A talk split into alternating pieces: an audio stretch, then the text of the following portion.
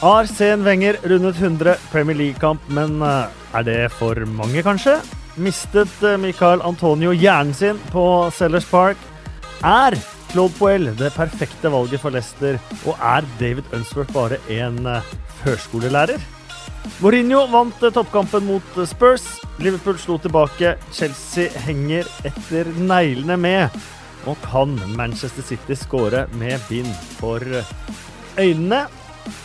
Pluss fun facts, blomster og kaktuser den eh, neste timen. Og den neste timen er Dette her føles egentlig ganske rart.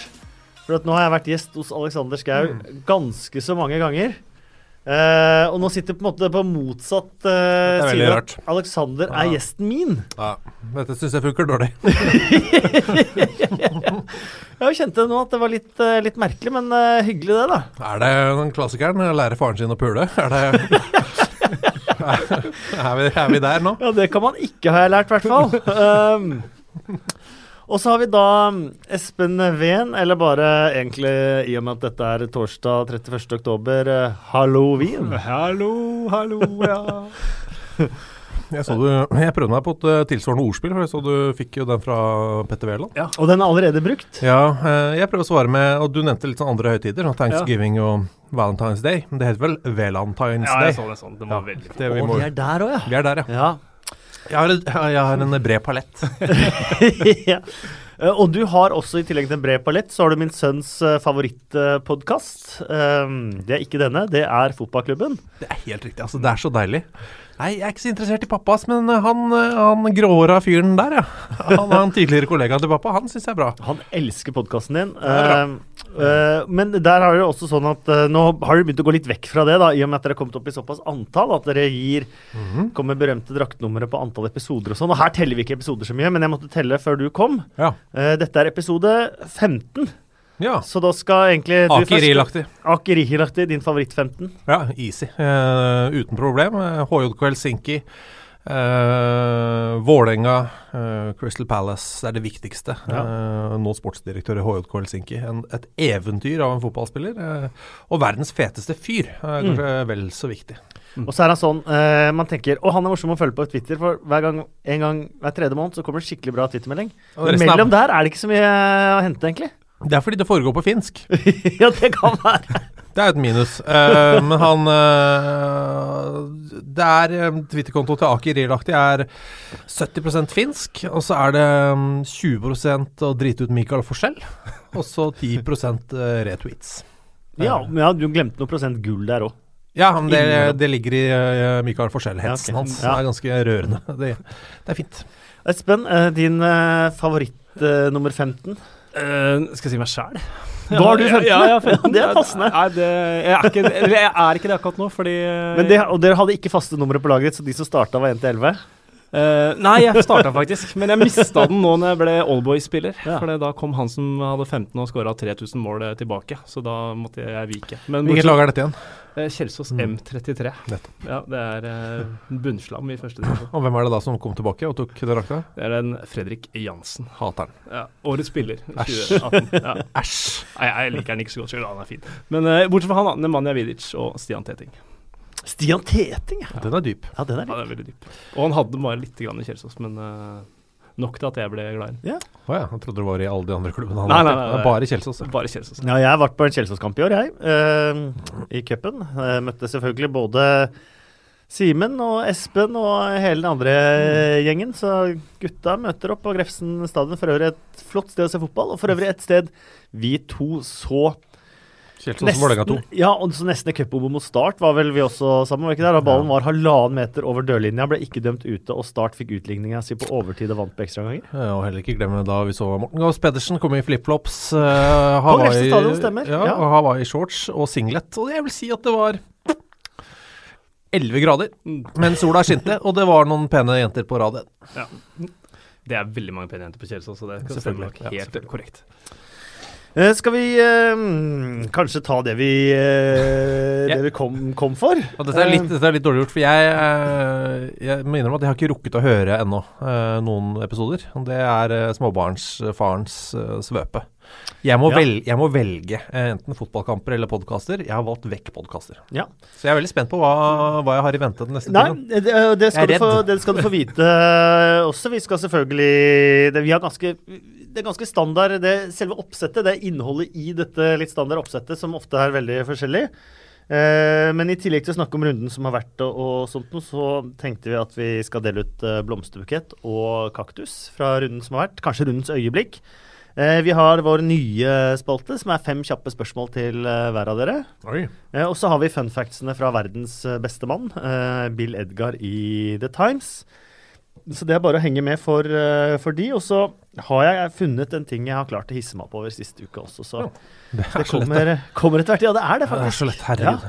Eh, jeg bare se en kamp, liksom. Så er jeg bare så, Det koker inni meg. Altså, det er helt sånn Fy fader, ass. Åh, Kjenner, kjenner den dynamoen. Bare får opp turtallet, og så bare sitter det bare og putrer. Ja, så Men jeg tenker vi begynner på det som var liksom eh, cold som eh, den store, store kampen eh, i helga som var. Manchester United-Tottenham.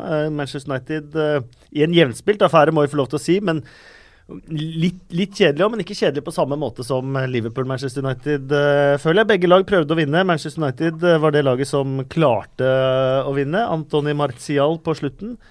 Um, og José Mourinho uh, hysja hele verden inn i kameraet etter at uh, seieren uh, satt der, Espen. Ja, han gjorde det. Uh, var det liksom, liksom Gary Neville jeg leste, skrev noe om, om den greia der som egentlig jeg er, er veldig enig i. Altså, han nevnte den City-kampen for et år siden, hvor de, hvor de på en måte prøvde å ta City på, på egne midler, da, men det gikk ikke. Og det stod tenkt snakket om at sånn skal jeg aldri tape igjen.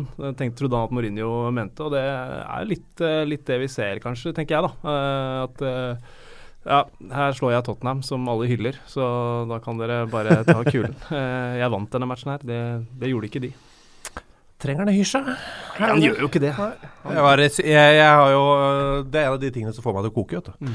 er jo hysjefeiringer. Det er bare, da bare kjenner jeg turbinen bare pumpes i gang umiddelbart, uansett hvem som gjør det. da Og hvilken vei du hysjer. Jeg driter i det. Bare, Og den, den med øret, ja. Nei, hysjing er mye, mye verre. Øret er jo Det er mer sånn cocky dust. Men hysjing, da er du bare Det er, eh, det er som å drøye tida etter et kvarter. Mm. Sånn, sånn er det for meg.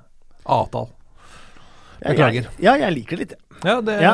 det veit jeg, men det er jo Det er jo deg, da. Men, eh, men for en som skal bygge en, eh, en æra i Manchester United eh, etterpå også, så Marcus Rashford er selvfølgelig elsket av alle røde i, i Manchester, men Mourinho han klagde på at Lukaku ikke er så elsket. Stemmer det? Jeg har egentlig aldri fått med meg det.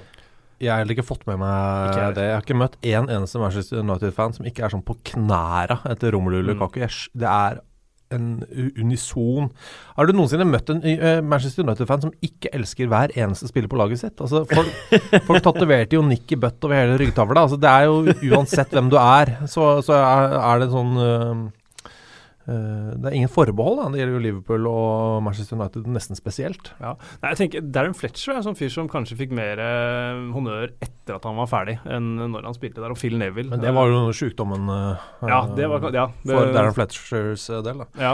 Men, men er det sånn at Mourinho konstruerer noe som ikke er der, da, når han eh, Hva? Mener Han, hva? Hæ? Han lager et fiendebilde som ikke fins? Nei, nå syns jeg det virker, dette virker men veldig lite lage det med troverdig. egne supportere er jo litt rart, da.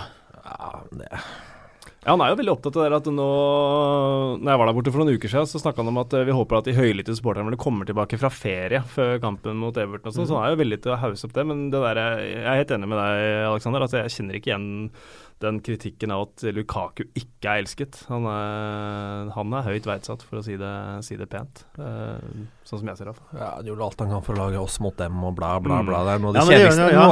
Det er et av de aller kjedeligste grepene jeg vet om i, i fotball. Det er, det er faktisk ikke nødvendig. Jeg vet at det er et grep, men det er, altså, det er for, du har fortsatt 20 andre grep i den eh, verktøyskassa di med grep. Den der er det en av de aller, aller kjipeste. Jeg, Eh, jeg tror som eh, Langsiktig så tror jeg det er utrolig lite produktivt for en klubb eh, å ha en manager som lager eh, oss mot dem. Og, da, og hvis du gjør det, så må du vinne hvert år. Da må Mm. du være Alex Ferguson. Da må du vinne hvert eneste år. Men Da Alex Ferguson du det. gjorde det til perfeksjon. Ja, men da kan du gjøre det. Men sånn når du, når du ikke gjør det, eh, og likevel kjører den for å sikre en andreplass, en tredjeplass, det der er ikke eh, Det holder ikke i lengden, da. Det skaper eh, Nei, det gjør noe med den generelle følelsen rundt en fotballklubb, og da kan du være så svær du vil.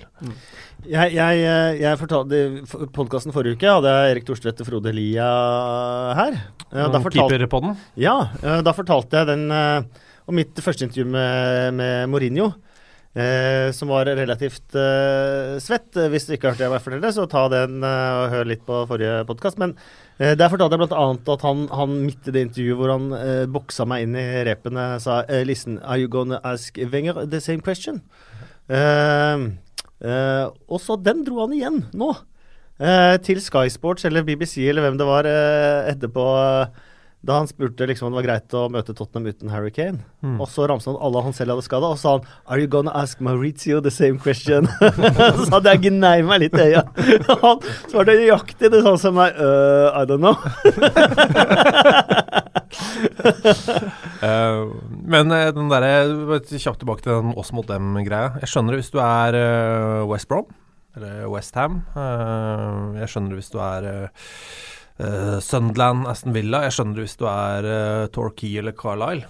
Uh, for da, er du, da må du ha noe Da må du skape et eller annet som ikke er der. Du må skape en eller annen Uh, du må på en måte flytte på hele den balansen, da. Eh, maktbalansen mellom uh, din klubb og de andre.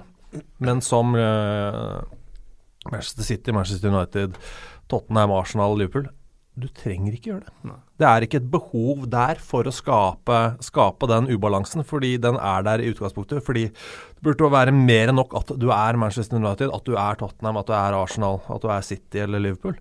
Uh, så da blir det liksom fattig for meg. Det er sånn Jeg hadde skjønt hvis Sean Dyche gjorde det, liksom.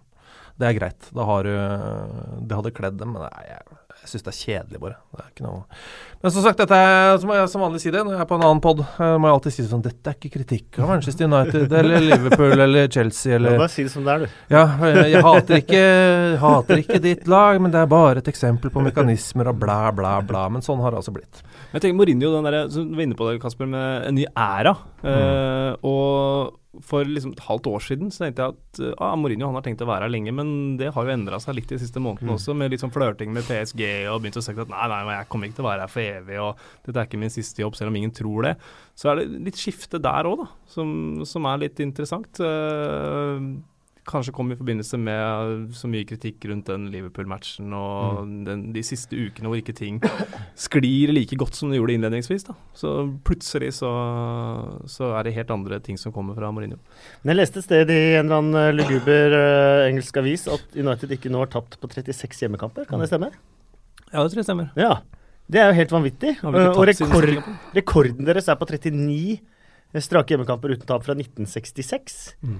Eh, da har han i hvert fall klart eh, oppgave, og den kanskje viktigste oppgave nummer én, gjøre Old Trafford til eh, eh, et fort igjen. Og eh, skapt eh, den såkalte Vi kommer tilbake til klisjeer etterpå. A fair factor.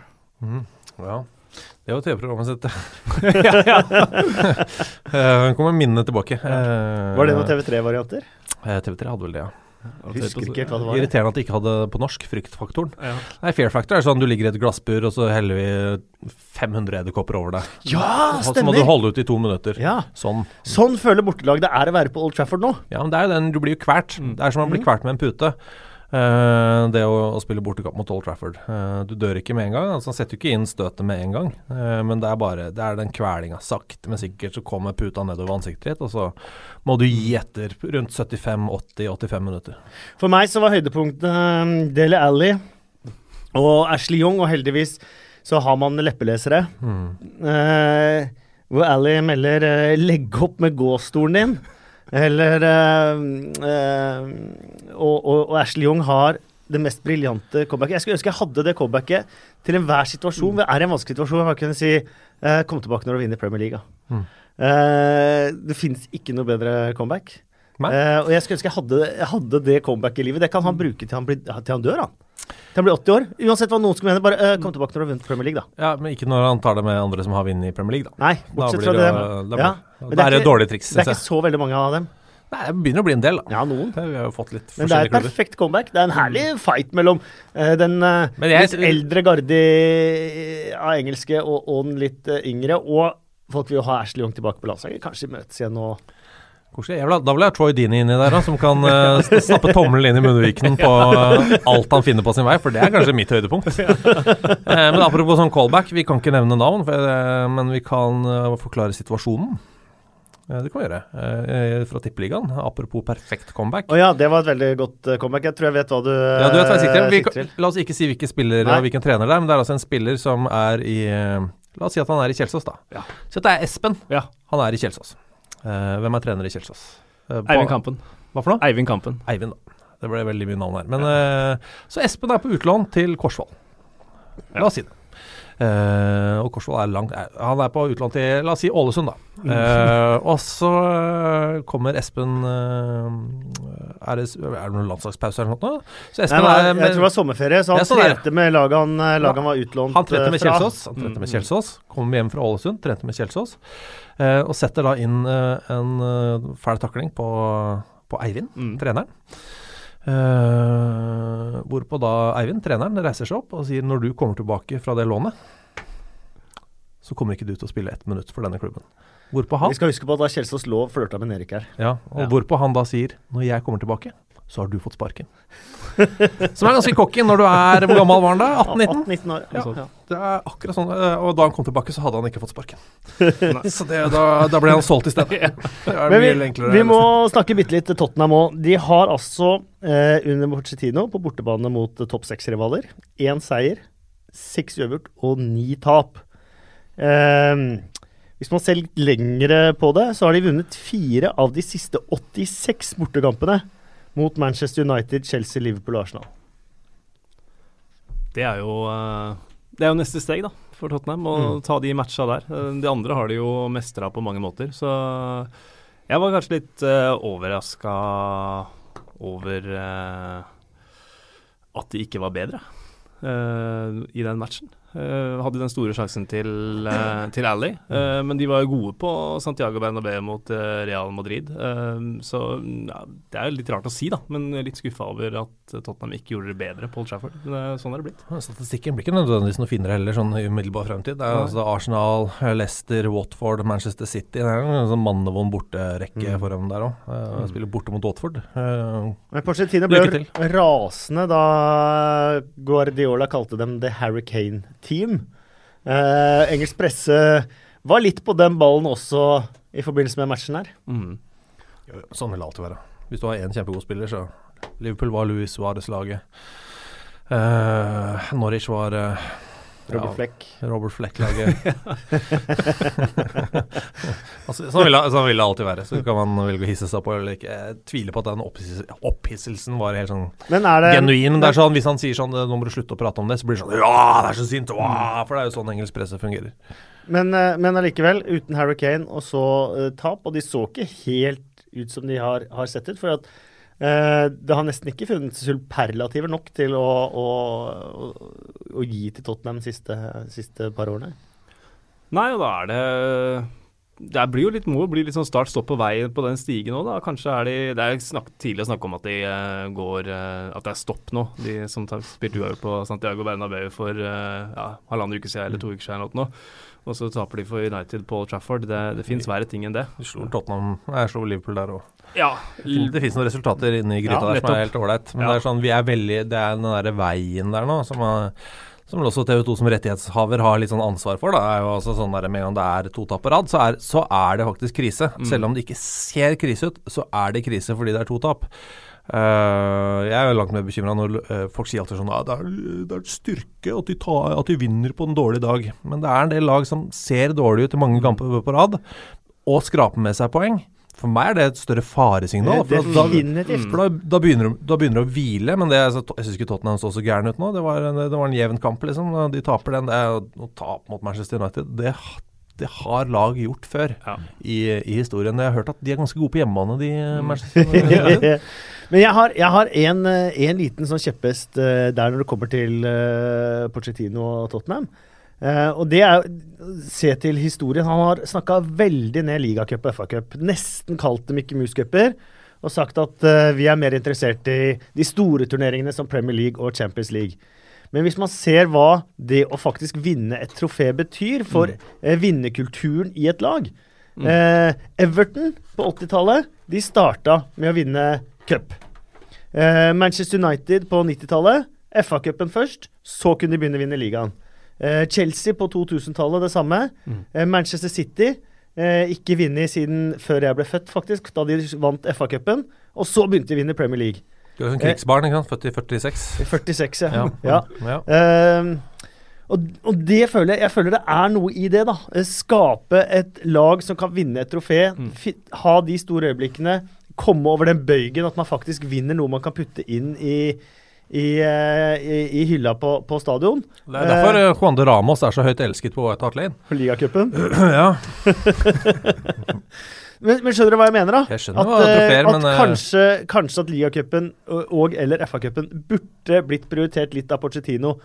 Bare for å Det tror jeg han gjør. det. Jeg tror han prioriterer FA-cupen, men eh, ligacupen er død. Og den syns jeg også er død for meg, og dette har jeg snakka om i mange mange år nå. Jeg har vært en ganske sånn eh, Jeg, jeg liker ikke og forstår ikke ligacupen. Eh, den tar, tar opp tid og er i veien. Så kan man si at det er supporter syns det er gøy å vinne og bla, bla, bla. Men de fleste land klarer seg med én cup, eh, og det er det. Eh, det er, eh, jeg skjønner at det er hyggelig å vinne en cupfinale, men det er faktisk sånn at du kjører Det er, er B-lag ganske hele veien her. Eh, For meg er det en ganske sånn verdiløs cup, men for Pochettino eh, han kommer ikke til å nedprioritere FA-cupen. Han har sagt han, eh, ikke er så interessert, da. Det er sånn du sier. Det er, det er bare Nei, ikke sånn du, du, Hvis du spør hva er viktigst for deg Nei, det viktigste for meg er å vinne Premier League. Ja, hva med cupene? Nei, det blir jo ikke så viktig, da, for jeg vil vinne Premier League.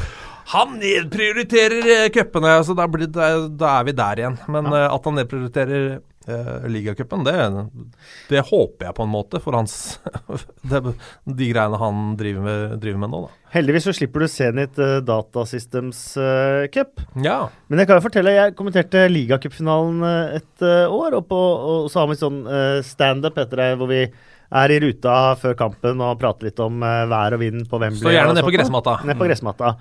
Og så står Alan Shearer der, så tenkte jeg nå spør jeg jaggu Alan Shearer om han vil være med på den. Eh, og Shearer er jo en stor stjerne og blir sikkert spurt mye om sånn. Han sa ja, men jeg så at liksom vi måtte komme på lufta innen et minutt her. Hvis ikke så kommer han til å bli fryktelig utålmodig. Og så ser han på meg, og så ser han litt sånn strengt, og så Å, jeg tapte jo begge mine finaler her. Jeg, å, jeg har ikke noen gode minner herfra. Og så sier jeg, men uh, du vant jo Zenit Data Systems Cup med Southampton. 4-1. det var jo her. Og da ble han kjempeglad! Det hadde han glemt! så han hadde noen gode minner der likevel. Jeg tror kanskje det største minnet for han var å huske hva den cupen het. det er vel den store gleden hans eh, der. Men han er ellers verdens største surpomp. Claude Puel han ble den nye manageren i eh, Leicester etter at eh, Craig Shakespeare fikk eh, sparken. Eh, Fikk en eh, fantastisk start i, eh, på sin managerkarriere på King Power Stadium. Mange skeptikere, litt færre skeptikere etter den første kampen. Med merittene til Claude Puel, eh, det han har gjort, og egentlig det han gjorde med Southampton, bortsett fra at det var dritkjedelig å se Southampton i perioder, eh, sier for meg at det er kanskje den perfekte ansettelsen av en manager.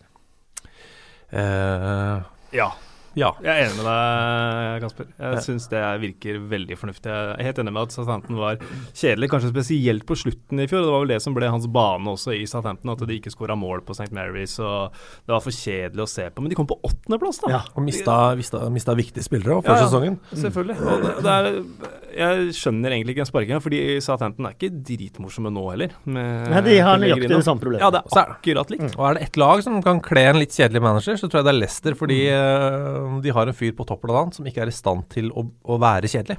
Mm. Uh, Jamie Vardy. Eh, og så hvis du har, hvis du har um, det jeg kaller valper da, på laget eh, Da må vi nesten opp på sånn uh, fårehund. Altså, som har, de har en, en god motor. Uh, så Det er ikke sånn at de bare orker å løpe tre meter, men som er såpass uforutsigbare som Riyad Mares og, og han, så er det bra å bare dunke inn struktur. Og det var jo ikke akkurat uh, ustrukturert det de drev med under Ranier heller. Og Puel, herregud, for noen øyeblikk han opplevde i karrieren. Var det? Mm. Semifinale i Champions League òg. Mm. eh, Og så er det for meg, da, eh, viktig at eh, eh, sånne folk som sånne engelske pundits, da, tidligere fotballmanager, sånn Sam Allardyce og sånn, at de tar feil. Mm. Det er viktig for meg. uh, så Derfor er det veldig viktig for meg at han lykkes i Leicester. Sånn at Mm. Sam Allardyce og de andre gnurebukkene som klager over at det er så vanskelig å være engelsk, uh, at de får seg enda en smekk på, på nesa. Jo, og det jeg syns også var spennende, var eh, en av mine favoritter eh, fra han spilte i Birmingham, faktisk, DeMari Gray. Mm, Har fått altfor få sjanser, og det er kanskje ikke så rart, for kant i 4-4-2 så er han kanskje ikke god nok defensivt uh, der, som man må være for å, for å spille kant i 4-4-2. Med den nye formasjonen til Claude Poel så kom ikke bare han til sin fulle rett, men det ble masse mer plass for Riyad Mares også. Så får vi se etter hvert om det kommer av motstanden eller noe annet. Eh, wow. Formasjonen passer eh, Mares og DeMari Gray perfekt. Men for meg så virker det fryktelig spennende å se videre. Ja, også, og interessant også at han bare pælma inn Ben Chilwell eh, fra start. Og det kan jo ha hatt noe med den balansen å gjøre som lot Demar Gray løpe framover som han Mm. gjorde. da, Og det der andre passet hans på den første skåringa. Ja. Altså i, Ja. I Astrix så ble det skrevet hirr, hirr. ja, Hirr.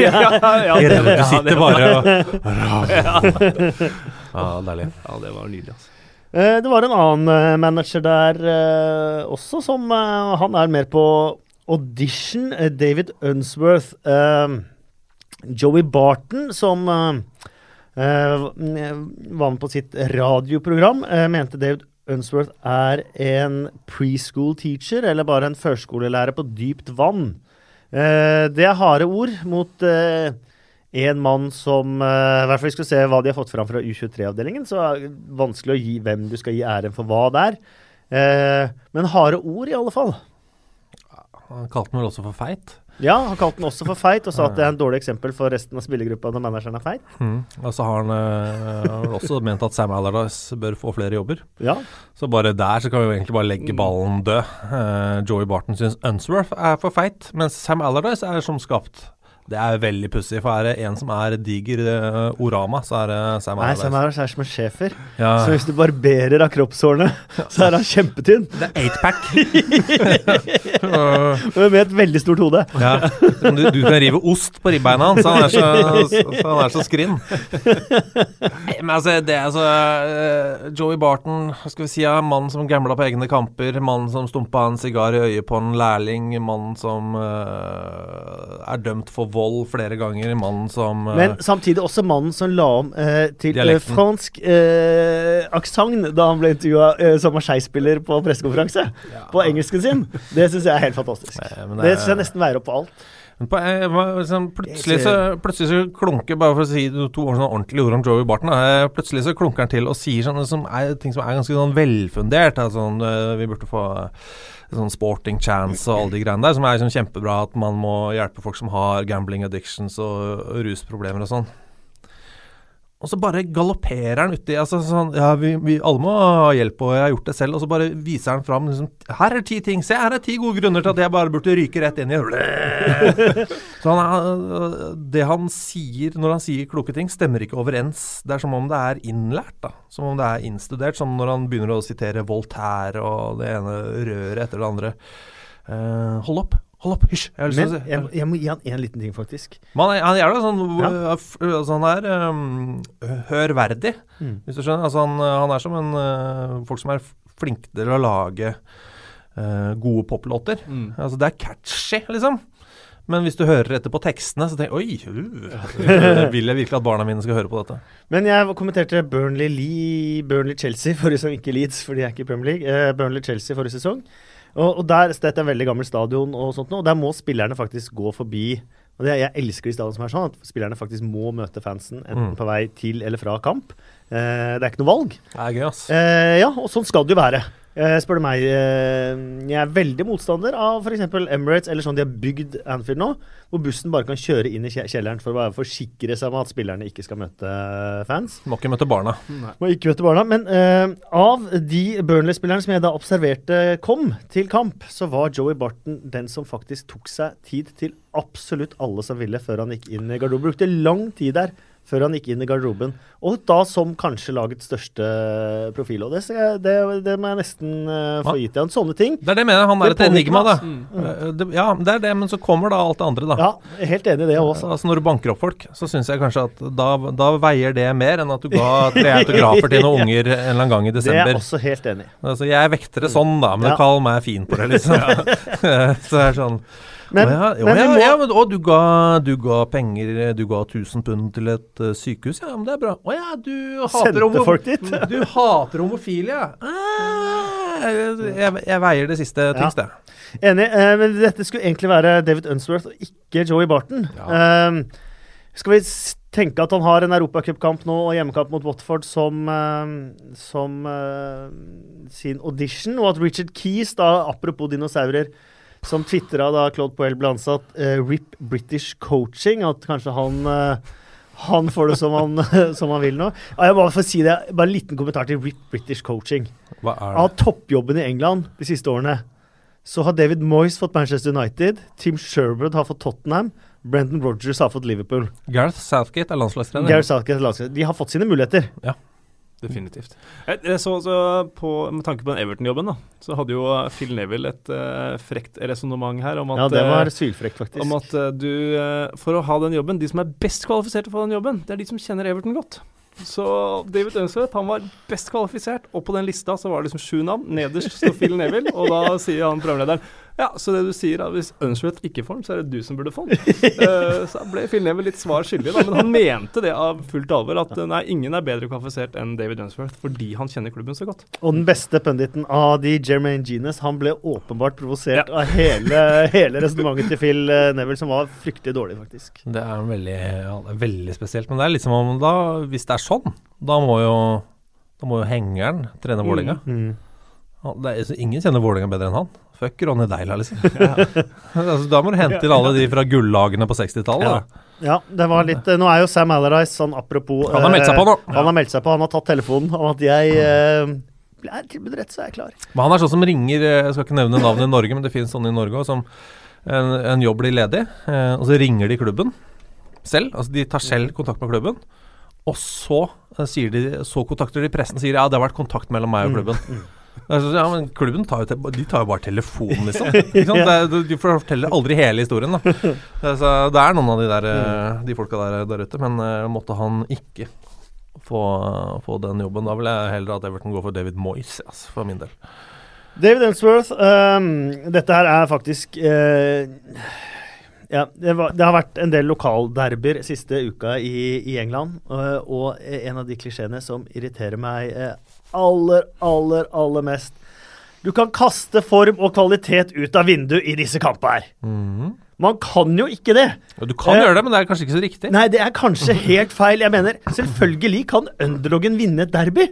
Akkurat som i alle andre kamper så kan underdogen vinne, men i stort sett de fleste kampene så vinner som oftest det beste laget, så også i derbyer. David Unsworth, tre ganger i prematch-intervjuet så klarer han å melde eh, I want us to play on the front foot. Ja. Tre ganger! Se på det målet de slipper inn, da! Noen ganger kan det kanskje være lurt å være på the backfoot også, og være med hjem. Det er så mange idiotiske fotballklisjeer som kommer igjen og igjen. Du hadde en her i stad.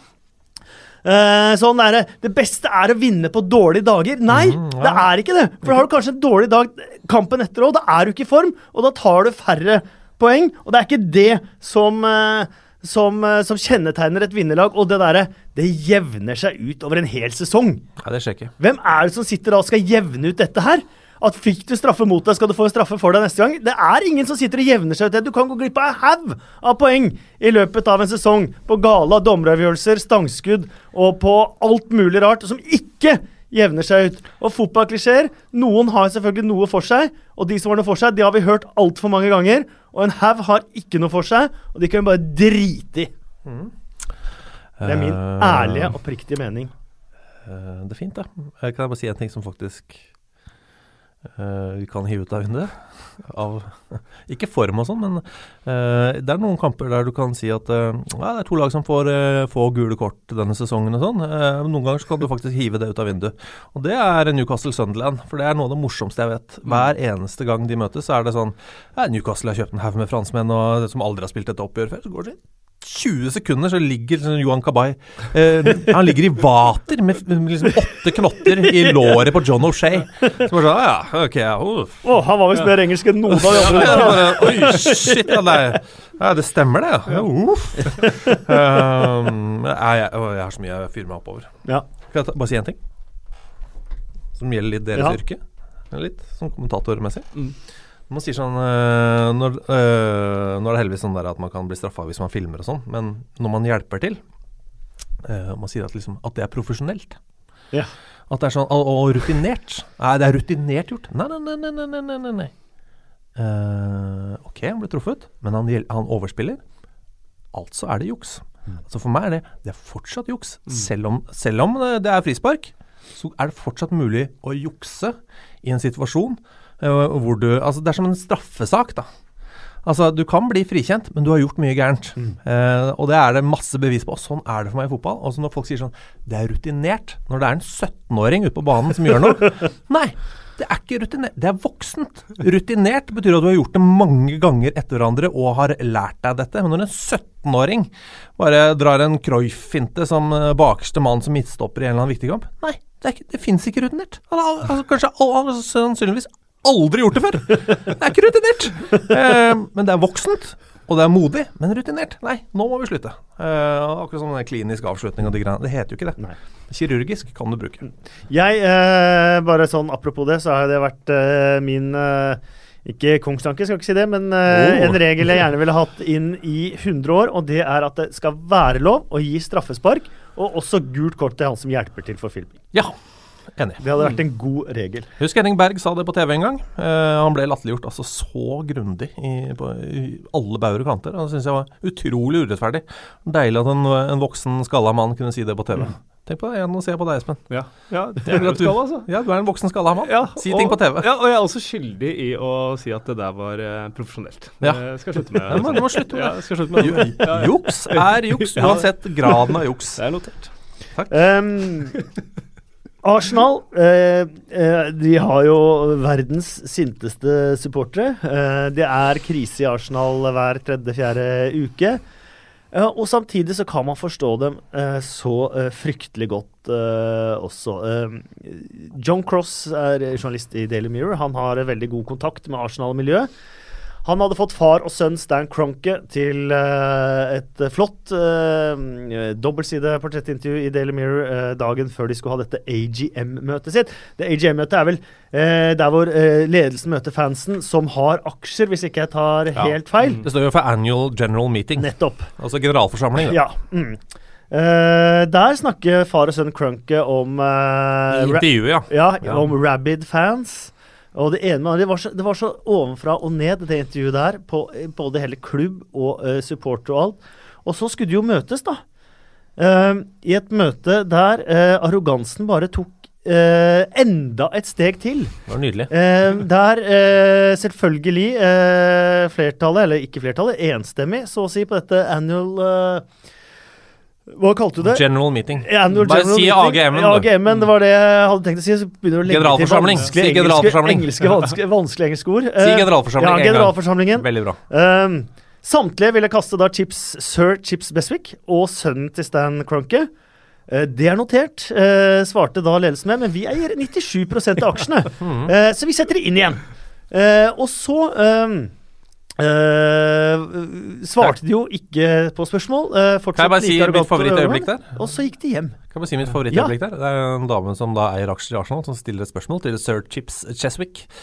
Uh, og det er et spørsmål, det er veldig konkret. Det ikke noe sånn van, det er ikke noe, Ordlyden er ikke vanskelig her. Det er sånn veldig tydelig hva, hva hun spør om. Så sitter hun sånn og sier sånn mm, Takk for innspillet. Noen andre? Altså bare, bare Og de har, de har Altså- fulgt, med, fulgt opp med var Kan du sende dette spørsmålet på brev?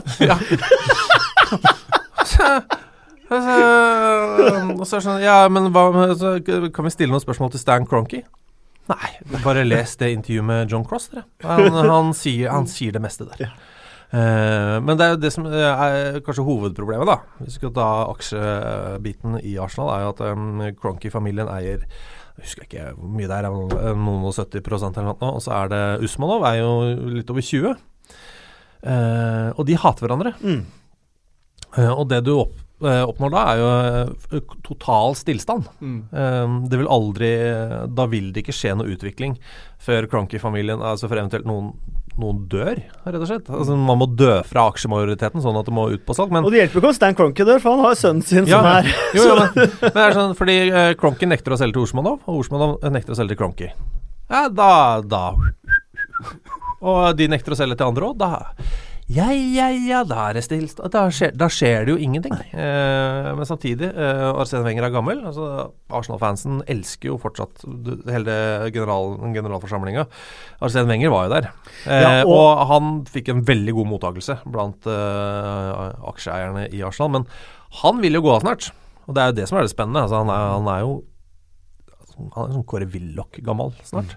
Eh, og hva skjer da? Uh, er dette en reise Stan Cronky har lyst til å være med på videre? Hvis uh, det går dårlig, er dette Osmanov? Har han lyst til å være med videre? Så det er jo det som er spennende, for på eiersida så kommer det ikke til å skje en dritt, så frem til ikke det kommer noen kinesere eller malayer med som betaler firedobbel pris da, for de aksjene. Men det morsomme også er jo at Arsen Wenger aldri har sett bedre ut enn han gjorde på det møtet her. For Arsene Wenger er en, både en anstendig mann og en mann som eh, eh, som vet, kjenner denne klubben såpass godt, at han fremsto jo, sammenlignet med den resten av gjengen, som en uh, uh, helt på en ridder på en hvit hest. Ja, Og arbeidsjern. Ja, var det det der, avstemninga jeg bare leste om, hvis jeg forsto det riktig, så var det sånn at, ok, dere kan nå stemme om disse to gutta skal fortsette. Her, er- så rekker alle hånda opp salen, de skal ikke fortsette. Så, okay, ja, så sier de som styrer butikken at ok, ja, men vi har proxyer eller stemmer, så dere vinner ikke allikevel. Så kan dere nå bare Kan vi gjøre det én gang til, og så tar dere ikke og rekker opp hånda, så blir vi ferdig med det. Og de bare ja, opp med hånda, så stemmer det. Så de måtte gå til sånn der stemme og, og så De trenerte litt. Det var en kul protest. Nei, de trenerte to ganger. Ja. Eh, på to forskjellige styremedlemmer. Først var det vel på, eh, først var det vel på Sir Chips, og så var det vel på Cronky Junior. Junior.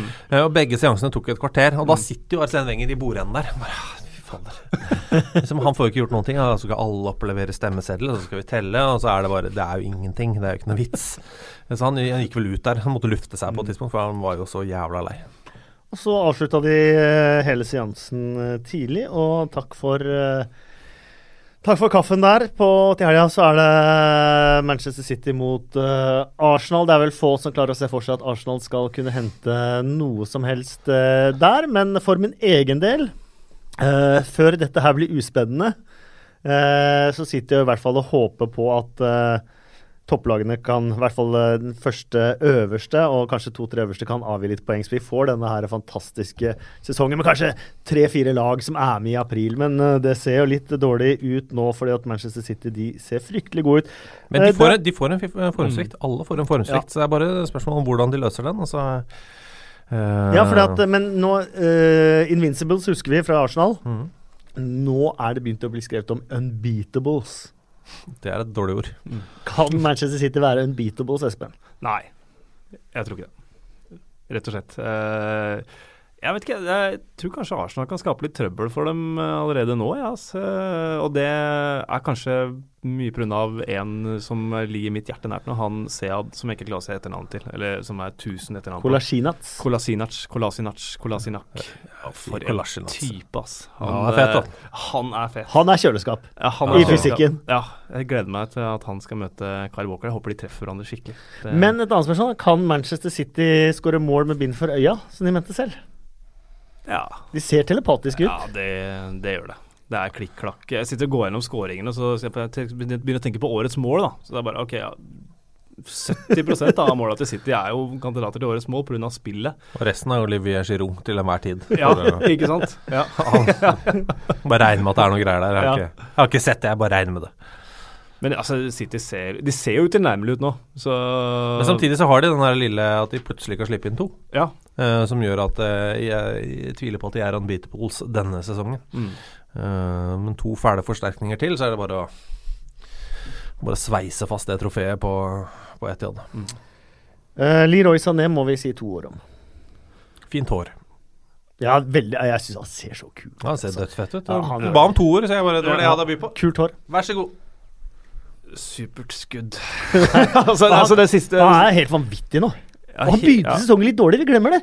De par-tre første kampene han bytta etter pause der, så var han litt sånn Da spilte tre bak, sånn wingback der, så ukomfortabel ut. Nå er han bare helt Han er unbeatable. Ja, han gjør som han vil. Ja. Uh, ferdig med det. Mm. Uh, hvor gammel er han? 20 han er? 21? Mm. Noe sånt noe. Uh, snakk om å ha verden for sine føtter, da. Mm. Det er Ja.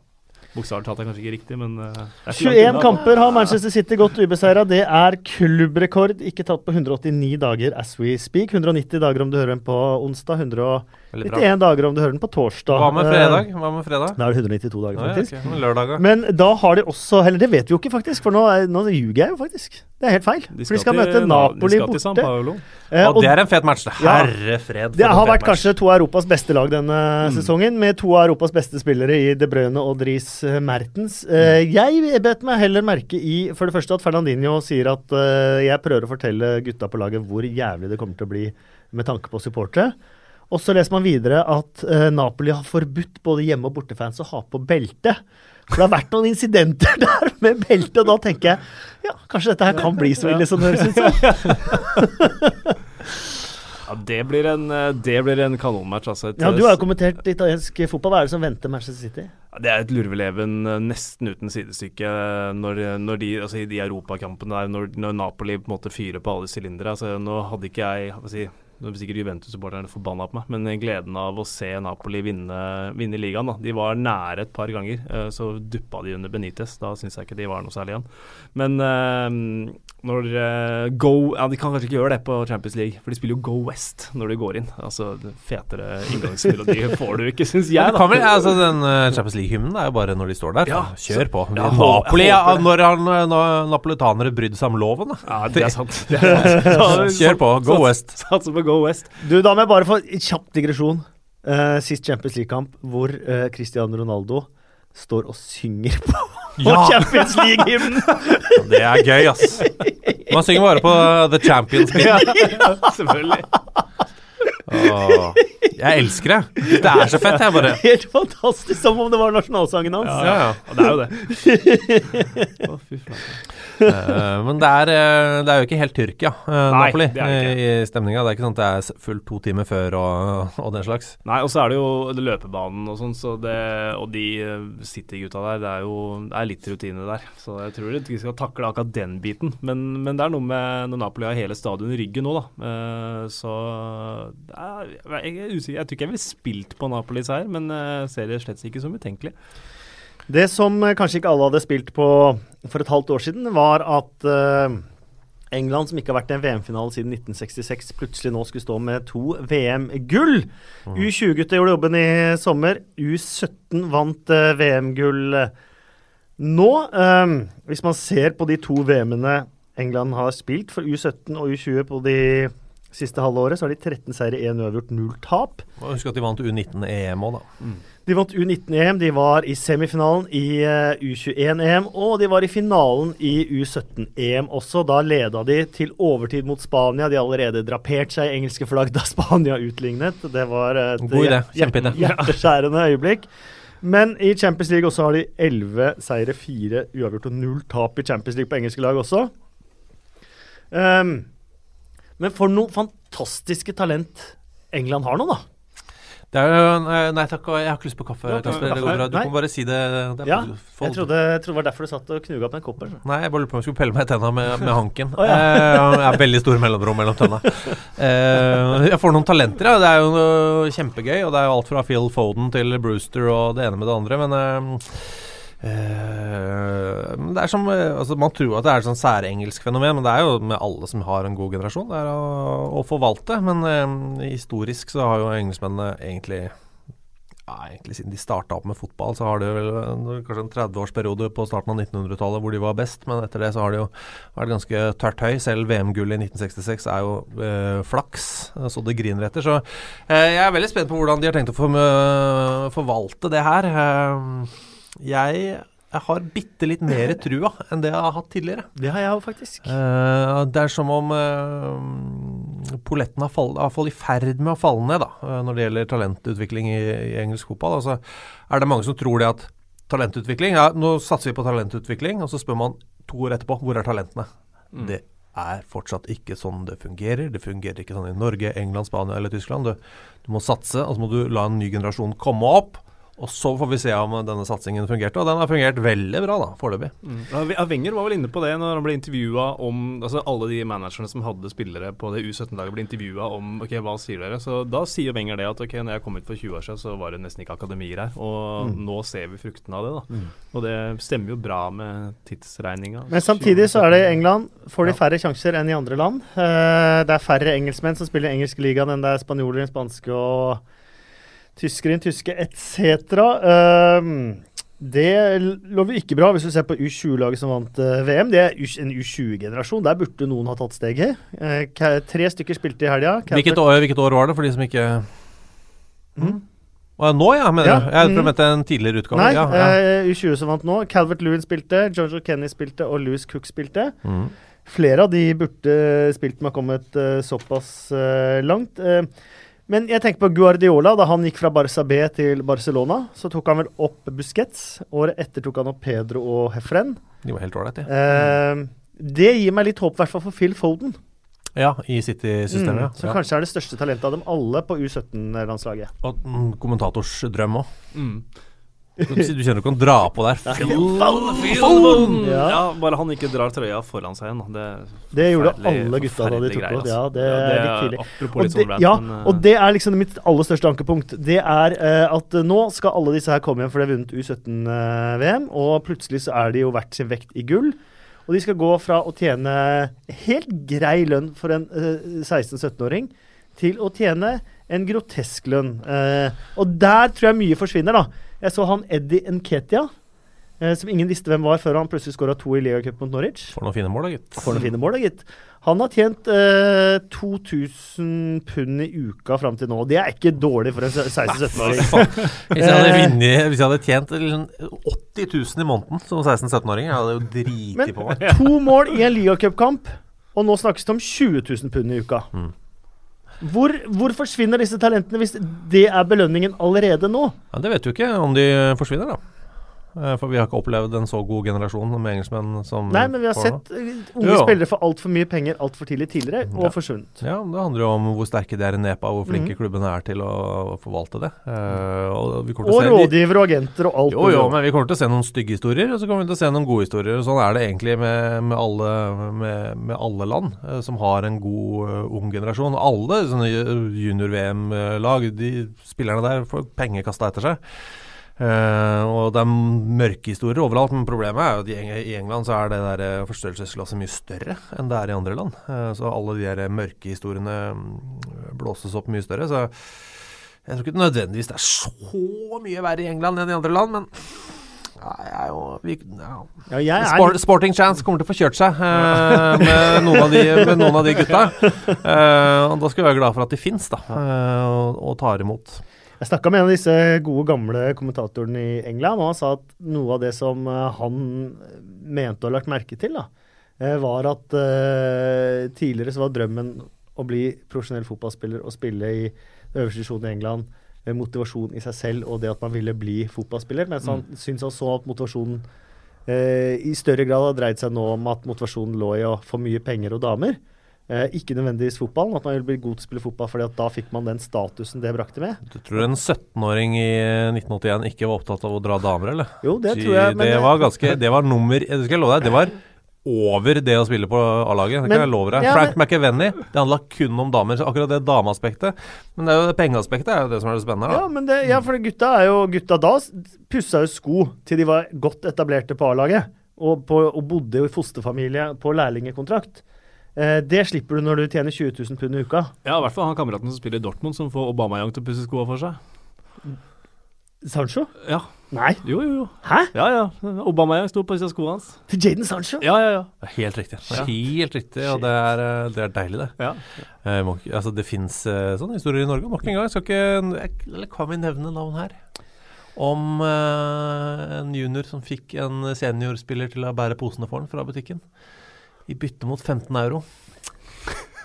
Det hørtes ut som Eh, Runar Nordmann bar. Det er Runar Nordmann som eh, hadde pengene, ja. Han hadde pengene. Ja, jeg, det tilbød- hørtes ut som Runar Nordmann var involvert i det, i hvert fall. Jeg kan like godt bare si det. Han tilbød, han tilbød til flere uh, spillere på Vålerenga da det var på La Mango. La Mango, faktisk. Lamango. uh, på La Mango, eh, og alle sa sånn fuck off, du kan ikke holde opp med det. Du kan ikke drive med Han var jo ikke junior, sorry, så det var helt feil. Det var nesten enda flauere, dette her.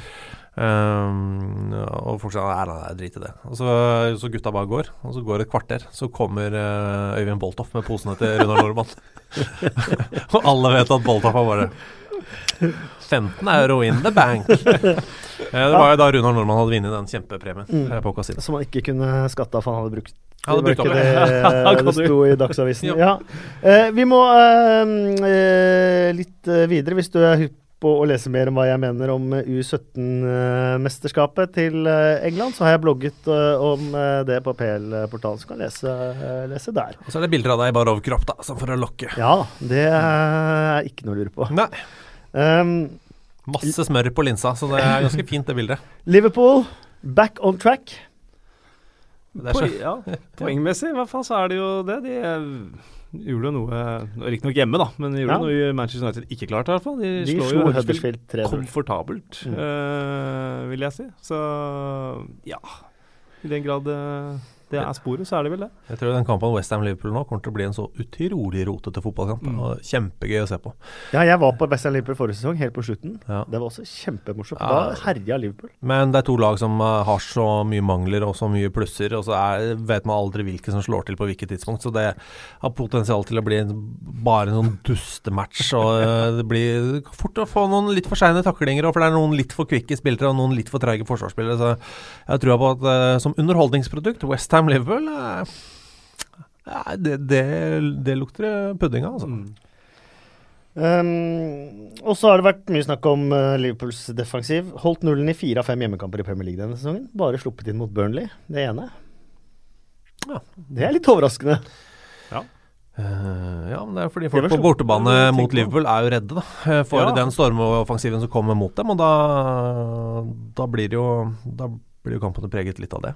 Ja, tenker jeg det Ja, det er kanskje grunn til det, men jeg syns det er litt overraskende òg. Ja. Altså, hvis det er så porøst på bortebane, så er det ikke dermed sagt at det er eh, noe fort på Anfield. Og det var vel eh, Ja, skal ikke snakke om den United-Liverpool-matchen så mye mer, for det er sikkert blitt snakka i hjel, men, men det var den største kritikken, at man ikke gikk for det. da Altså Mm. at ikke Manchester United gikk for det.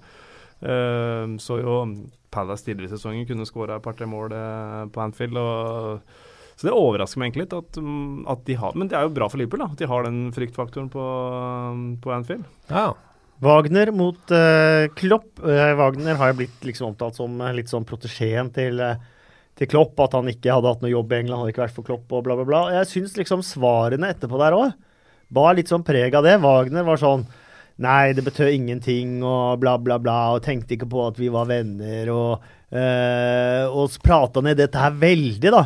Mens Klopp var sånn Ja, det var fantastisk Ja. og kjempehyggelig, og ingen kommer vekk fra at vi er bestekompiser og bla, bla, bla. Han var litt sånn tryggere i sin egen posisjon, posisjon der. det hadde vært det hvis resultatet var omvendt. At de var venner. Ja. Ja, det tror jeg faktisk. Det tror jeg At han hadde vært faktisk. smørblid etter kamp. Nei, ikke smørblid. Tapt, tapt 3-0 Men på når, han har fått hjemmebane. om, men når han har fått spørsmål om vennskapet med Wagner, så hadde han ikke bare spilt ned det fullstendig? Ja, men Det kan jo også være at eh, Wagner eh, altså I mindreverdskompleks er det jo ikke, men at han er vel sikkert møkk lei av akkurat det greiene der. At det er mye av det som kommer inn hver gang han blir snakka om. Altså, ok, du er bestekompisen til Klopp og, og hele greia der. Så jeg tror kanskje det var en faktor av det, at han var lei av å prate om det. For eh, det hadde jeg vært. Hvis og jeg har vært tapt. Og har tapt, ja. Så det er liksom ingenting å smile over, da. Det er bare ja, et strafferedning, liksom. Ellers er det bare dritt. Ja, det har vært bra man var superoffensiv. Vi redda straffe, så all in all a pretty good game. 0-0 til pause. Ja. Vi kan nevne at Tommy Smith hadde assisten til 1-0 til eh, Liverpool foran eh, The Cop. Det vekker sikkert noen minner for eh, Liverpools eh, nostalgikere. Eh, Det var en eh, viss Tommy Smith som både skåra og la opp mål for Liverpool eh, foran The Cop i sin tid. Chelsea eh, de vant greit 1-0 borte mot Bournemouth i en relativt dårlig kamp, men seieren var kliss fortjent. Eden Hazar viste litt av sin magi. der han skåret både to mot Roma og ett i Premier League. Eh, men nå så har Alvaro Morata blitt intervjuet av en italiensk avis. Og det er litt sånn med disse spillerne. De tror at hvis de blir intervjua i Italia eller i et annet land, så når den nyheten aldri til England. Ja, Det er litt sånn som med norske tidligere fotballspillere som gir ut biografi. Så deler de litt sånn saftige detaljer om eh, det ene med det andre og tenker sånn Nei, det er eh, engelsk Norge, eh, plukker ikke opp uh, disse gambling-greiene eller eh, slagene i bussen eller hva det nå er. Jo, jo, jo, de gjør det. ja. Det er ikke Der- sånn det funker. Ja, så nå har altså Chelseas Twitter-konto gått på høygir om hvor glad Alvaro Morata er i å bo i London. For det var en av de tingene Morata sa i da, dette intervjuet med Gazzetto della Sport, var det vel? At han savna Italia, han syntes det var kjipt å bo i London, det var for mye stress. Det var, det var liksom en del av de tingene der han sa i intervjuet. Men eh, ifølge Chelseas egen Twitter-konto nå, så sier Morata til dem at eh, han syns London er helt tipp topp å bo i. Og hvis han var blitt tilbudt en tiårskontrakt nå bor bo i London og Chelsea, så hadde han skrevet under umiddelbart. Da gir han den tiårskontrakten, da. Ja, det er ikke verre enn det. Får vi svaret. uh, men det er her jeg tenker, føler at uh, engelske Premier League-klubbers uh, Twitter-konto, hvis vi kan ta det kjapt, eh, har mye å lære av f.eks. Las Vegas Knights, det nye Det er NHL-laget. fantastisk Twitter-konto. Er du ikke interessert i hockey, så følg likevel Las Vegas. eh, eller Vegas Golden Nights, heter de vel. Ja, og det er helt, er helt eh, rå tilnærming til det. Å ja, eh, da, de ville jo løst dette på følgende måte. Morata har gitt det intervjuet. Nå lager vi en serie hvor vi tar med Morata rundt i London og viser hvor fett det er. Mm. Det ville de gjort. Og det er mye bedre å løse sånne ting på, istedenfor å lære den generiske Nei, han elsker London, han ville bodd der i ti år hvis han fikk muligheten. Bare klin til. Bare ta oksen ved hornene og bare kødd med det med en gang. Fy faen, du blir jo verdens mest populære, og sponsorene kommer til å elske den, øh, den Twitter-kontoen og den Facebook-kontoen, og så er det, genererer det ting. Men nå er det bare sånn Nei, nei han bare liker det London. Det er bare dritfett for Morata. Det er så kjedelig. Men Golden Nights Holy smokes, Ja, for en fantastisk, fantastisk Twitter-konto. Twitter-konto. Um, kanskje den beste enkeltkampen jeg har sett av et lag denne sesongen, var Chelsea borte mot Atletico Madrid. Uh, vanvittig match av dem. Eh, for meg så virker det litt som om Conte og Chelsea ser nå Manchester City det er ni poeng foran. Tar vi det igjen, så tar vi det igjen. Men eh, don't hold your horses. Men Champions League, der har vi lyst til å, å gjøre det bra. Og uh, sett også skadede spillere ikke har kommet tilbake til sånn som Eden Hazard og Morata. Ikke har kommet tilbake til Premier League-kampen før, men kommet tilbake etter skade til Champions League-kampen. Og Conte mangler jo Champions League. Det er akkurat det. Han uh, gjorde det jo aldri bra i Champions League med Juventus, og fikk jo ikke prøve seg i fjor. Så, og så var det litt sånn under eh, de altså, siste ti åra når Chelsea Før de til slutt vant, da. Var det 2009 eller 10 eller 11 eller 12? Altså når de vant 12 var det vel. 12, ja. ja jeg traff på den siste, iallfall. men uh, det var jo det det var snakk om da. Altså De hadde vunnet ligaen, men det var Champions League de ville vinne. Uh, følte iallfall jeg, da. Uh, og kan være det er litt der igjen nå, som du sier, Kasper. At det, ok, den ligaen den tar vi ikke allikevel, selv om Eden Hazard mente at uh, det kan de fortsatt gjøre. Nei, jeg tror faktisk at de kan det. Uh, Ja. At det derre fæle, det derre Chelsea-Rambukk-toget som vi har sett ganske mange sesonger, når det begynner. Så Vi snakker om det å plassere den der formsvikten sin på Mm. riktig sted. Det kan godt hende at eh, de har gjort en Tottenham og plassert den i starten. Ja. For Tottenham har jo gjort det en del de siste, de siste årene. Eh, og så får de tilbake Ngolo Kanté, eh, Eden Hazard, eh, Morata er tilbake, og så plutselig så er det bare uff, Mm. å nei, nå kommer godstoget ramlende her, og da da er det faktisk ikke mulig å stoppe dem. Da kan det være så mye Manchester City du bare vil. Eh, hvis City er på det høyere der, så er, så er det så er det elleve Didier Drogbar som kommer og bare tar deg. Ja, og den Bournemouth-seieren er jo en litt sånn type seier, da. Ja. Uh, sånn som de holdt på i store deler av fjorårssesongen. Troy Dini um, han eh, ble uh, halvveis angrepet av Joe Allen, uh, men han sto opp for seg sjøl, gitt. Ja. Jeg nevnte det i stad. Jeg elsker det. Det er en tommel i hver munnvike. Og det gliset. Den jeg ikke elsker helt, er Ryan Shawcross. Fra andre idretter jeg følger. mm. så ville det vært naturlig å stå opp for Joe Allen. Ryan Shawcross prøver på et halvhjerta forsøk på det, og så kaster han seg bakover en liten dytt i stedet, for. Ryan Shawcross er den eneste sånn størrelsesmessig i den jungelen der Så kunne kunne stått opp og tatt Dini litt, jeg. Han burde gått inn og så gitt eh, Joe Allen en oppstoppernese i tillegg. Så Dini, du tar smilet, så tar jeg Men jeg er litt skuffa over Shawcross der, rett og slett. Men det beste er jo at Joy Dini står der med, med tommelen omtrent i ganen på, gjennom, gjennom hva heter det, kinnet. Ja. Eh, og samtidig så dytter han bort Troy Dini. Så- Nei, Ryan Shawcross. Ja. Han multitasker der på en måte. Holder Vi han der, skal eh, også ta og med smiler og gliser. Ja. Og se på bare I sidesynet så dytter han bort Ryan Shawcross. veldig, veldig, Altså, det er veldig bra. Vi skal ta med at han faktisk har sittet i fengsel for vold, eh, også Troy uh, Dini. Og Ja, da han ja. slapp ut, så spilte han playoff-finale mot uh, Crystal Palace. Og da var det selvfølgelig en god porsjon av de fribillettene han fikk, gikk til fangevoktere fra fengselet som han hadde blitt uh, god venn med. Michael, Michael Antonio. Joe Hart var mildt sagt rasende i postmatch-intervjuet sitt. Nevnte ikke navn, men vi skjønte hvem det var. Eh, hva skjedde med Michael Antonio da han eh, på stillingen 2-1 til Westham, seks minutter på overtid, gikk ned mot cornerflagget, og så ikke gikk inn mot cornerflagget og ga Crystal Palace ballen, så de fikk utlignet til 2-2 isteden? Ja, Men han passerer jo han Crystal Palace-spilleren på dørlinja også, så han kan jo egentlig bare tasse rundt nedi der. Eh, Er det det minst profesjonelle du har sett? Ja, bortimot. Og det sier jo Joe Hart. da. Jeg er imponert over Joe Hart, jeg, som klarer å bite seg i leppa i det intervjuet der. Han bare at Det er så uprofesjonelt, og så det stille. For han har jo lyst til å sage. Jeg husker eh, Var det debuten da til Joe Allen i Liverpool? Uh, hvor, han, uh, hvor det er altså ett minutt på overtid. Helt ufarlig. Hvor han bare pløyer ned en motstander og får rødt kort i første omgang. Uh, du, du ser på klokka, klokka er stoppa. Det er lagt til ett minutt. Altså Vi er langt over det minuttet. Det skjer ingenting. Dette er helt ufarlig. Rødt kort, skjønner ingenting. Det er uh, også på den lista mi over uh, blant det mest uprofesjonelle. Altså De lagkameratene til Antonio, det er tre-fire Westham-spillere som står og dasser Ja, rundt oppe ved De har 16-meternet. faktisk blitt med ham opp! Det Ja, er det de- verste de av alt. de er fire mot to Ja. der. Eh, og, så, og så slår han jo tidenes dårligste innlegg òg, da. Ja. Uh, han kan jo bare sentre 45 ut. Vi må Derfor så gleder jeg meg til Westham Liverpool. Ja. På grunn av sånne ting. Og Liverpool har sin skjerv av sånne spillere. Oi, oi, oi. Det var moro å se på. Morata var kjempegod. Hva i all Han snakka ikke om seg sjæl, han snakka om dommeren. Vi skal uh, dele ut uh, blomster og kaktuser, og skal vi snart ha funfactsene til Bill Edgar. Uh, ukens uh, Rundens blomsterbukett. Eh, jeg kommer med mine forslag. Dere kan, Ja, eh, dere kan komme med andre innspill, og så blir vi enige. Jeg sier Nick Pope, jeg.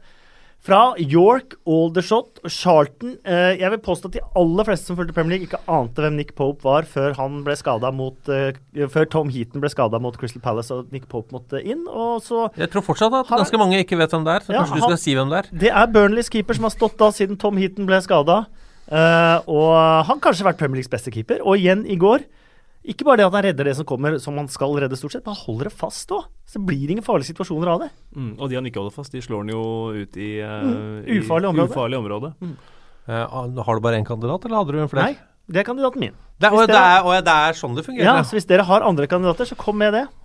Jeg, jeg, jeg syns egentlig Joe Allen ja, i den der Troy Dini-greia Han gir seg ikke. Han står som en liten terror. Han bare står og stirrer det beistet i eh, Og, og, han, kaster, innspill, og han kaster seg ikke ned. Veldig godt innspill. Ja, det kan han godt gjøre. Mm. Uh, det har jeg sett mange andre gjøre. Men han bare står der han og tar imot mens uh, tommeltotten er tre centimeter inni Da gir vi blomstene til Joe Allen. Å ja, for på generell basis så har jeg lyst til å gi blomster til eh, Premier Leagues beste eh, assistentdommer, eh, Sean Massey. eh, som jeg bare hver gang jeg ser at hun går på linje, så tenker jeg åh, nå er vi i trygge hender igjen. Ja, Men assistentdommere fikk faktisk blomster forrige uke. Gjorde det? Ja, så vi kan ikke, få, kan ikke gi til assistentdommer hver gang. Men Shiamasi, helt enig. Hun er eh, Kanon, eh, helt rå eh, på linja der. Eh, og vi kan jo ikke si linjemann. Hun er Line Kvinne. Mm. Mm. Linjedommer, da, vet du. Eller linje, assistentdommer, som det egentlig heter. Ja, men det blir for ah, sier de. Ja, men da folk sier si AD er sånn som sånn, når du skal snakke om ikke det? Ja, det er akkurat det der. Men de er sånn, sånn som sier ja, vi må innlegget havna i rom to og sånn. Ja. Det er sånn ingen som bryr seg om det. Ukens kaktus. eh, der skal du få flere eh, alternativer. Okay. Da kan du gi til Antonio, som vi har prata om. Du kan gi til Dean, vi har prata om. Eller du kan gi til Ryan Shawcross, som bare går ned der istedenfor å stå opp. Eller hvis dere har noen andre som skal få kaktus. Eh, du kan få velge, du, Halloween. Uh, kan, altså, jeg kan jo egentlig ikke Intertroy Dini og gitt blomsten til Alan, eller det passer jo egentlig, kanskje. Ja. uh, ja kanskje jeg skal gi Men det, det er jo litt ja, Han er jo Vet du, hva, du burde du ikke bare ta Ryan Shawcross, så, så kan du sende alt til samme adresse? Ja, Ja, det er sant. fordi, jo, også Shine Ryan Shawcross som bryter med Shine Rawcross. Shine som bryter med lagkameratene sine. Han Chipo Moteng forrige uke som fikk Ja. eh, ballespark av Begovic og bare står der og hva er det du driver med. Og Allen som ikke kaster seg ned. Ryan Shawcross, den største av dem alle, han kaster seg ned. Ja. ja Enig. Og så er det, og så det én adresse, og det er lett for budet. Ja, hei, jeg har to pakker her, jeg, så, så det er mye lettere. Så kårer vi en ukjent helt hver gang, en som ikke får overskriftene, men som eh, har gjort eh, manns jobb. Og nå syns jeg tiden er kommet for enten Louis Dunk eller Shane Duffy i Brighton, altså. Uh, jeg tenker alltid på Hans Dunk, den gamle Mosse-spilleren, så da blir det Louis Dunk for min del. Uh, mest fordi det minner meg om han. Hans Dunk, ja, det var lenge siden. Det er lenge siden, ja. Det er en 80-tallsreferanse, det. Ja, det var det. Da graver vi dypt. Ja, det var dypt. Det var det- nesten dypere enn Stian Teting på Kjelsås. Ja, det er, jeg vil si at det er dypere, ja. Ja, det vil jeg si. Rundens øyeblikk. Uh, Martial 1-0. Eller har dere noe større øyeblikk i denne runden? Jeg kan ikke si at den var så stor for meg, men uh, vi, kan godt, uh, vi kan godt si det. Uh, hvis, du er brenn, hvis du brenner veldig for det. Det er et kjempeøyeblikk i toppkampen. Mourinho Jo, men jeg syns ikke selve øyeblikket er sånn wow. Det er ikke sånn at jeg kommer til å huske det når sesongen er over. Nei. Jeg tenker jo, jeg er litt sånn på den dobbeltredninga til Joe Hart òg, jeg. Ja, den er fin. Eh, Ja, nå- den redninga hvor han bare Den andre er Men det, han kommer seg opp, da. Så- Han får en arm nummer tre der. får en arm nummer tre der. Og så har han jo en redning i andre omgang der, som er helt vill. Ja. Eh, som er større enn de begge de to, egentlig. Så kanskje Joe Hart. Jeg ber meg alltid til gjestene, så da er det Joe Hart som får uh, rundens øyeblikk. Arsenals syv siste. Aldri skjedd! Første gang siden er den sjette spilleren. Fun factsene til Bill Edgar. Bill Edgar det er en uh, faktamann, raring i The Times. En jeg er veldig glad i. Han, hver mandag så har han masse morsomme fun facts. Uh, han hadde ikke så mange morsomme denne gangen, men eh, jeg tar de tre han hadde som jeg syns var uh, ok. Altså, mange, mange produserer han hver gang? Hæ? Altså, Det er en hel side, ja. Altså, med bare helt sånn Ja, det er sånn eh, som det beste eksempelet som jeg har vist her, bare for å vise hva slags fyr dette er. Så da Andreas Weimann skåret mot Arsenal, den kampen jeg kommenterte, mm. så kunne jeg lese hos Bill Edgar på mandag at det var den første med Arsen Wengers initialer til å skåre mot Arsen Wenger siden Ashley Ward for Barnsley i 1997. Ok, men Ja. vi er der. Men er er en, en hel side av altså, Har du et antall? Er det 20, liksom? 30? 40? 50? Ja, det er litt forskjellig. Og så har han mange historier. Han er veldig glad i sånne der anekdoter som f.eks. at uh, Davis eh, Det var en sånn tennisreferanse der som var veldig rar. Davis Cup. Uh, Ja, ikke sant. Sånn Ja. typisk han scora, og så var det annet som var tennisnavn som scora i samme kamp. og sånt, Noe sånt er han veldig glad i. Mm -hmm. uh, Men han kunne i hvert fall fortelle at Manchester City borte mot West Bromwich var det første gang på 24 år at det ble skåret tre mål fra det 10. til det 15. minutt i den øverste divisjonen. Ja. ja, det er, det er en fun fact! Det, er en, det, er en, det- er en fact, ja. Det er mer en Ja. Men også Det er en kuriositet for Ja, meg. ja. Ja. Arsenal, eh, de tre siste kampene har de sluppet inn det første målet, men allikevel vunnet. I tre strake kamper. Ja. Det er første gang på over 50 år har skjedd med Arsenal. Fortsatt ikke fun, men eh, ålreit. eh, Bra, bra å ta med seg. Da skal du få den siste. Den er faktisk Det litt er for, for det forteller noe om hvordan Arsenal nå er, at de faktisk har ryggraden til å snu kamper. Men eh, på denne tiden av året så kom jo den gule ballen til Premier League. Ja. Den ble jo nå Jeg måtte, innført. jeg måtte tisse i, i det øyeblikket du sa gul Ja. ball. Bare vosj, tissa trengt. Den kom i, eh, i denne helga. Eh, og i den eneste kampen med et eh, gult lag involvert, Watford, ble det også delt ut flest gule kort. Ja. Ja, ja, du likte ikke disse her. Eh, neste gang du kommer, Alexander, skal jeg ringe Bill Edgar og be han komme med litt bedre varianter. Ja, jeg syns den med AW den synes jeg var bra. Ja, Den, den, Det er en uh, Olden Goldie, da. Ja, ja, Ja. Det synes jeg med alle fun facts med Andreas Weimann, de, er, de er morsomme, ass. Jeg likte den gule, Takk. Takk. Gult er kult. Eh, eh, fem kjappe. Eh, ikke lov å, å, å drodle rundt svaret. Jeg har Svaret ikke tid, jeg, må gå. Jeg, Jeg jeg, skal, bare- jeg skal i barnehagen. jeg. Ja. Eh, kommer Manchester City til å gå ubeseiret gjennom sesongen? Nei. Nei. Bør Troy Deeney utestenges? Ja. For det der kjeftgreiene? Mm. Eh, ja, hvis vi skal ha noe orden på ting, så må man vel det. Hvilke, om noen, av de nyopprykkede lagene rykker ned igjen? Brighton.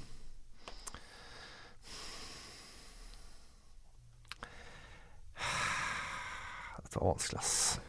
Jeg, jeg, jeg vet hva, jeg tror Huddersfield går på en helt sånn jævlig En sånn grusom juleperiode. Eh, Huddersfield. Og eh, klarer Liverpool topp fire?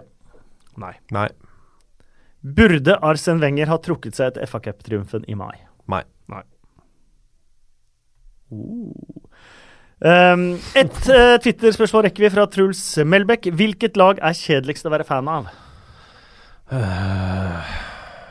Southampton akkurat nå. Ja, men samtidig er det ikke så kjedelig å være fan av Southampton. Jeg tror uh... Det, det naturlige er å være, svare West Bromwich. Men så tenker jeg det Nei, det tror jeg er gøy, skjønner du. Nei, det tror jeg er dritkjedelig. Uh, det er et kjedelig sted, og det er et kjedelig lag. Og de, det er ikke noe spenning, for de havner mellom 10. og 14. uansett. Jeg sier Swansea. Og Swansea, ja. For du må være mye ute i det regnet der. Og Det er, altså Men bare- det folk ikke tenker over når de holder med eh, lag som gjør det bra, eller store lag og sånt, er at det å være fan av en mindre klubb er faktisk mye morsommere, egentlig. For du kommer mye tettere på klubben. Det er åpnere, du har større sjanse for å oppleve ting med spillere, med eh, folk rundt klubben og sånt. Og det Det skal folk som holder med store klubber, bite seg merke i. Det viktigste er eh, når du heier på en liten klubb og opplever eh, opptur, så er den altså opptur mm. noe så inn i satan svær. Mm. Altså Det å unngå nedrykk er den beste følelsen. Jeg kødder ikke, det er den Nei. beste følelsen i fotball. Eh, det slår eh, Det slår alt av ligagull. Bare Mm. Altså, det, det, det er eh, Ja, du sitter eh, på kanten av stolen og tenker nå, nå, nå dør alt. Og så gjør du ikke det. Nei, fy faen, det er fantastisk. Så vi sier Manchester United. Rosenborg, kan vi si. Ja. Eh, og så, eh, med referanse til forrige ukes podkast, så spør Johan, Johannes Georg Asp får Shan Daish eh, krediten han fortjener. Ja, så definitivt. Du, det var eh, fantastisk hyggelig å ha deg her, Espen. Det var utrolig rart. Nå er jeg spent. Det var utrolig rart å ha deg på andre siden, Aleksander. Eh, ja, nei, min Men det var like trivelig som det alltid er, uansett hvilken side man sitter på. Ja, Eh, husk Supersøndag.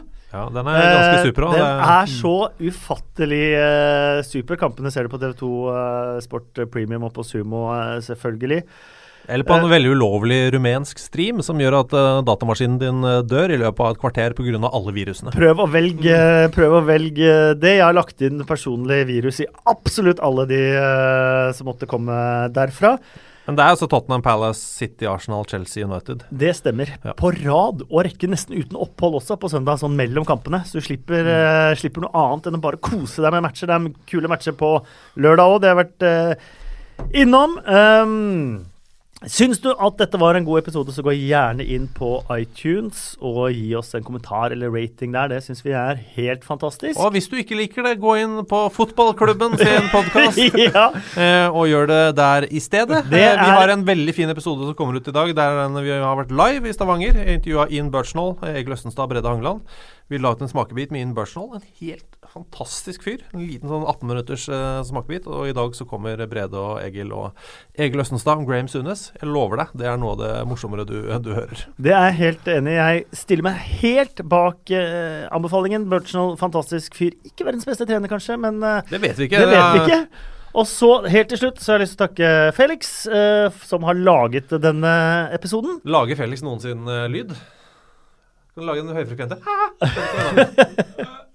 ja, Det var Felix. Ekstremt god til å være stille. Ja. Uh, ingen hører mer podkaster i løpet av en uke enn uh, Felix. Um, og så uh, sier jeg takk for meg også, og håper at eh, du har kost deg gjennom denne drøye timen, og at du hører på oss neste gang også. Ha det! for nå. Ha det.